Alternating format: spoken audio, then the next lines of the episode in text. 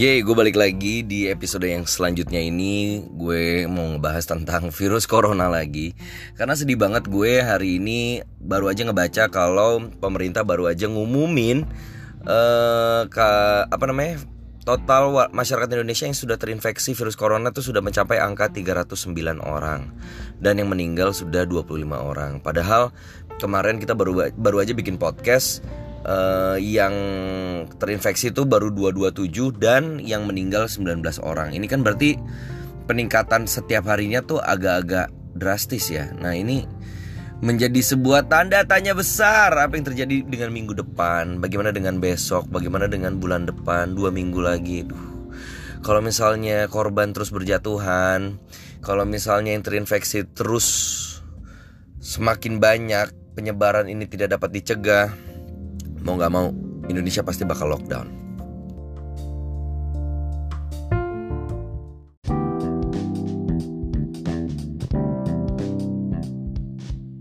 Oke kita tuh poin aja ngomongin masalah himbauan kemarin deh. Himbauan dari pemerintah untuk masalah work from home Atau enggak kita benar-benar suruh uh, menjaga diri dalam barang-barang yuk mengantisipasi uh, penyebaran virus corona ini.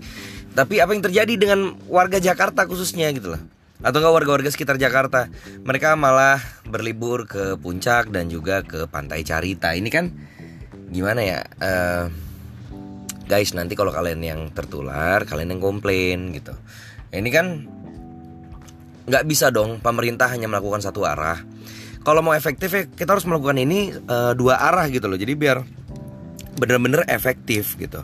Nah ngomong-ngomong masalah uh, negara yang cukup um, tidak menghiraukan himbauan, ini ada juga negara yang 11-12 kayak kita nih Sebenarnya negara Iran itu juga sama Pemerintahnya itu sudah kasih himbauan banget ke masyarakatnya untuk uh, work from home untuk tidak melakukan aktivitas lagi di luar. Nah, tapi apa apa yang terjadi? Mereka tetap melakukan kegiatan di luar sampai akhirnya banyak banget sekarang yang sudah terinfeksi virus corona.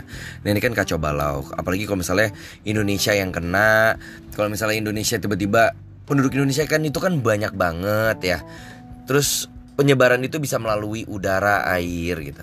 Nah kalau misalnya sampai segitu banyaknya uh, masyarakat Indonesia yang kena, yang terinfeksi, pasti mau nggak mau pemerintah akan ambil keputusan Indonesia akan di lockdown.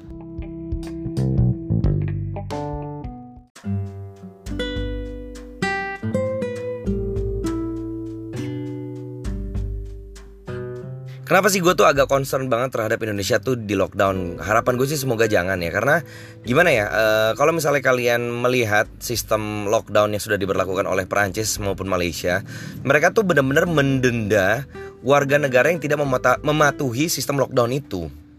Perancis kalau nggak salah 2 juta, kalau si Malaysia tuh kalau nggak salah 3 juta deh itu mendendakan ke satu warga negaranya yang tidak mematuhi yang tidak mematuhi sistem lockdown itu. Nah, bagaimana dengan Indonesia? Let's say Jakarta aja yang di lockdown. Banyak banget tahu sebenarnya uh, gimana ya penduduk Jakarta, masyarakat Jakarta tuh yang mencari nafkah itu dari sistem uh, dari sektor informal gitu loh.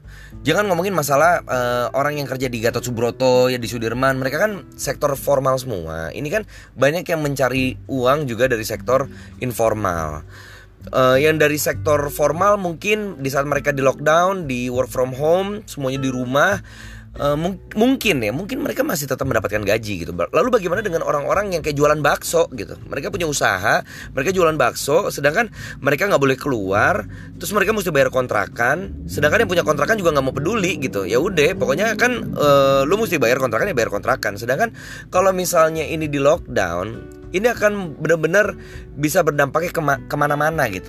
Ini mungkin aja bisa terjadi kerusuhan nanti.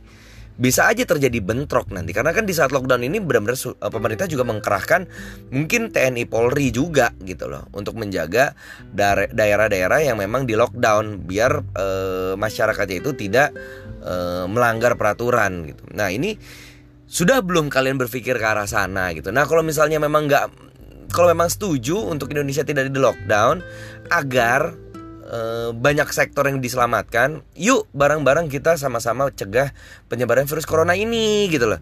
E, termasuk yang kalau misalnya dikasih himbauan dari pemerintah, ya tolong dipatuhi.